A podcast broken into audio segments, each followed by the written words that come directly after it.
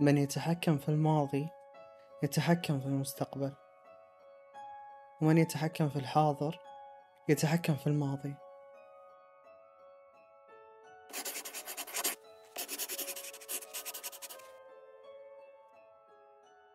من يقرر ما هو الخير وما هو الشر؟ من الذي يقرر من هم الأخيار والأشرار في هذه المعركة للسيطرة على هذه الرواية المسماة بحياتنا؟ نحن نعيش في عالم مخدر. الناس مخدرون والأغلبية لا يعلم ما الذي يحدث حقيقة. قبل دخول الحرب العالمية الأولى كان عدد قليل جدا من الأمريكيين يعرفون عن ألمانيا وتاريخها وأهدافها.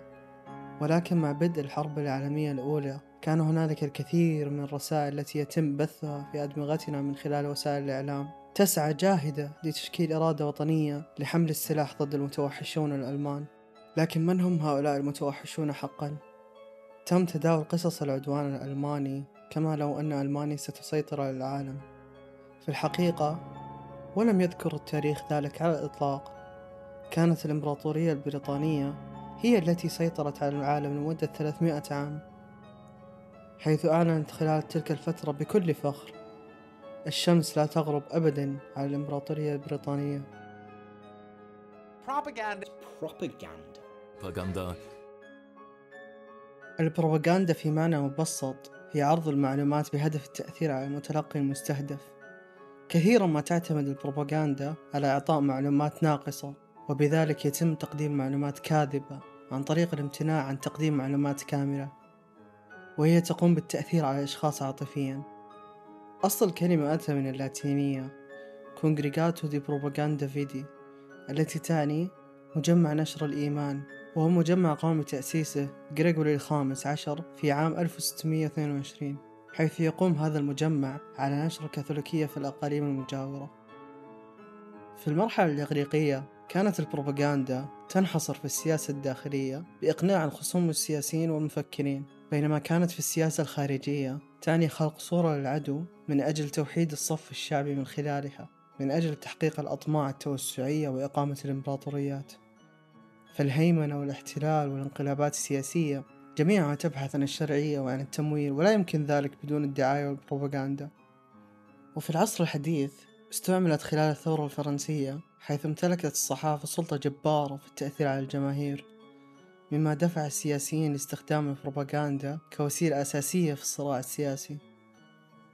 نحن محكومون وعقولنا مقولبة وأذواقنا مشكلة وأفكارنا مقترحة. إلى حد كبير من قبل أناس لم نسمع عنهم من قبل. هم الذين يسحبون الخيوط التي تتحكم في الرأي العام الذين يسخرون القوى الاجتماعية القديمة ويبتكرون طرقا جديدة لربط وإرشاد العالم. البروباغندا تؤثر على ما نراه ونسمعه وهي تغير طريقة رؤيتنا للصورة التي نراها أمامنا بشكل مختلف. ويترسخ بالتالي في وعينا ولا وعينا أيضا. كلنا نعرف الإعلان هذا. خذ لك break. خذ لك Kit Kat. تم ربط الاستراحة وما تعنيه من الحرية والاسترخاء بال Kit Kat فطالما سمعنا الجزء الأول من الجملة سيذهب بنا التفكير تلقائيا للجزء الثاني ونكمله بشكل عفوي دون إدراك منا. قد يعتبر غالبية الناس أن هذا ذكاء تسويقي ولكنه يعتمد على قاعدة بسيطة جدا وهي التكرار. فليس مهما إن كان هذا صحي حقيقي أم غير ذلك. المهم أن إعادة تكراره لمئات أو آلاف المرات تجعله راسخا في الذهن وهذا أحد أهم أسس البروباغندا. ممكن شخص يقول أنا إنسان واعي ومتعلم ومثقف ولا تأثير البروباغندا والإعلانات علي. حاب أقول لك إنك مخطئ. التأثير ما له علاقة بالمستوى العلمي والثقافي. البروباغندا تؤثر فينا جميعا كبشر لأنها قائمة على اختراق الجزء المهم لدينا وهو الدماغ. لو قلت لك لا تفكر في فيل الزهري هل ستستجيب؟ طبعا غير ممكن. فات الأوان. فكرت وتصورت في ذهنك طالما أنك سمعتني. طيب كيف نخفف من أثر البروباغندا علينا؟ يمكنك تحسين فرصك في اكتشاف البروباغندا بأي شكل من الأشكال إذا خرجت من فقاعة المحتوى الخاصة فيك وتأكدت من تفاعلك مع أفكار متنوعة وتتضمن الأفكار التي تختلف معها.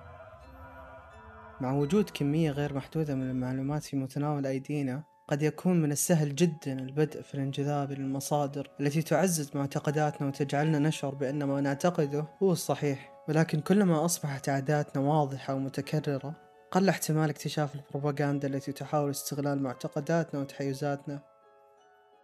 عشان تكسر فقاعتك حاول إنك تنشئ قائمة مصادر تزورها بشكل منتظم تحتوي على محتوى من جميع وجهات النظر حتى وجهات النظر اللي تختلف معها بحيث تساعدك على رؤية العالم بجميع تعقيداته وليس فقط من وجهة نظر واحدة. عندما تعرف جوانب أكثر من القصة ستكون أقل عرضة للوقوع في رواية البروباغندا المبالغ فيها أو الاستغلالية أو المثيرة للتفرقة.